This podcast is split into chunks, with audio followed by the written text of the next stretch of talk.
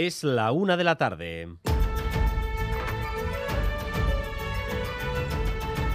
Crónica de Euskadi con Dani Álvarez. A Ratzaldeón, el gobierno del PSOE y Unidas Podemos tensa la cuerda internamente por las consecuencias de la ley del solo sí es sí.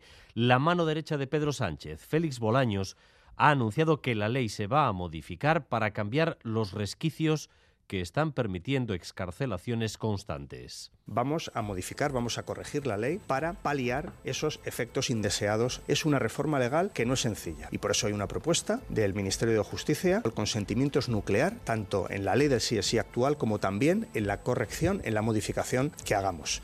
Sin embargo, Unidas Podemos no quiere cambios en ese texto legal. Lo que proponen es aumentar la protección a las víctimas, pero sin meter el bisturí en la ley. Madrid, Nerea Sarriegui. Sí, el Ministerio de Justicia trabaja ya en esa reforma legal. El PSOE insiste, se hará. No aclaran de momento si buscan recuperar las condenas que recogía el Código Penal anterior, pero aseguran que el consentimiento seguirá siendo el eje. El Ministerio de Igualdad se opone a cualquier cambio y pide más recursos para las víctimas, mayor protección, asistencia judicial gratuita o formación para los jueces. El PP aprovecha la grieta y ofrece a Sánchez sus votos para modificar la ley. Ya lo ven, lo que dice Unidas Podemos es que son los jueces quienes están forzando estas escarcelaciones al interpretar la ley de forma errónea, algo que a juezas y jueces les sienta bastante mal. Esta mañana en Boulevard, Aner Uriarte, el juez decano de Bilbao, ha repetido que esto es consecuencia no de los jueces machistas, sino de un error que se cometió al redactar la ley.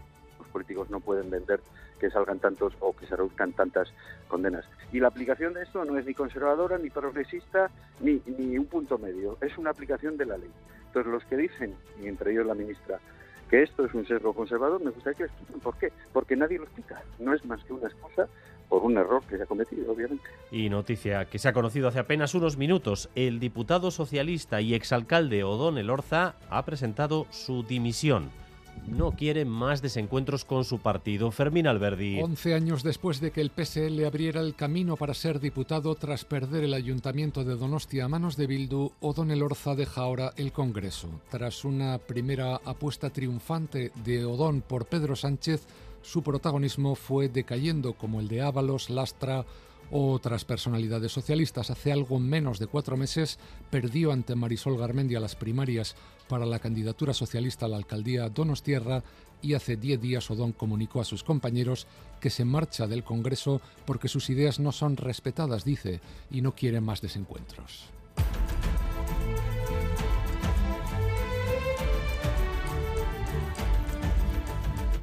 El IPC repunta ligeramente en enero a pesar de la bajada en el IVA de los alimentos. Los gobiernos, sin embargo, siguen creyendo que la crisis de precios va a ir moderándose durante los próximos meses, Rodrigo Manero. Sí, el IPC ha bajado tres décimas entre diciembre y enero, pero el interanual sube una, hasta ese 5,8%. Según el INE, las razones que ropa y calzado han bajado menos que en enero de 2022 y que las gasolinas han subido tras el fin de la bonificación de los 20 céntimos. El gobierno asegura que ni tan mal, porque pese al fin de esa rebaja, la inflación se estabiliza y que seguirá bajando en los próximos meses. La rebaja del IVA en alimentos básicos no ha evitado, eso sí, que la subyacente suba al 7,5. Macunde ha presentado hoy un estudio para tratar de responder a la pregunta de por qué no se ven mujeres en el sector de la construcción. La realidad es que no se ven porque no hay. Solo el 1% son mujeres y curiosamente este tema no está sobre la mesa de nadie, ni del sector ni del movimiento feminista. A las autoras del estudio se les, ocurre que una manera de hacerlo visible es recordar que en la construcción se gana mucho más que en trabajos tradicionalmente feminizados, Xavier Madariaga. Sí, un peón gana un 70% más que una empleada del hogar y ese dato nadie lo subraya, hay que hacerlo. Nos hemos ido a la obra que más cerca nos pilla. En esta tampoco hay mujeres. Temporarias muy pocas por no decir ninguna, yo no, no suelo coincidir con ninguna. ¿Hay alguna en vuestra obra? De operarios no, son todo, pues eso, de oficina, ingenieras, esto, lo otro, pero... Yo, yo te lo digo en serio, yo llevo de los 17 años trabajando en la construcción y solo me he tropezado con una chica. El sector es un sector de extrema segregación y todo porque creemos que ellas ni pueden, ni quieren, ni están hechas para trabajos que consideramos duros. Son argumentos que también nos han dado a pie de obra. Los escuchamos en breve. Los carnavales más ácidos del país ya están en marcha. Ituren y Zubieta celebran uno de sus días grandes. En Ituren aguardan a esta hora la llegada de los Yualdunak con sus vistosos trajes y cencerros. Visita que mañana devolverán ellos. En Ituren se encuentra Aitor Pérez, Arrachaldeón, Aitor.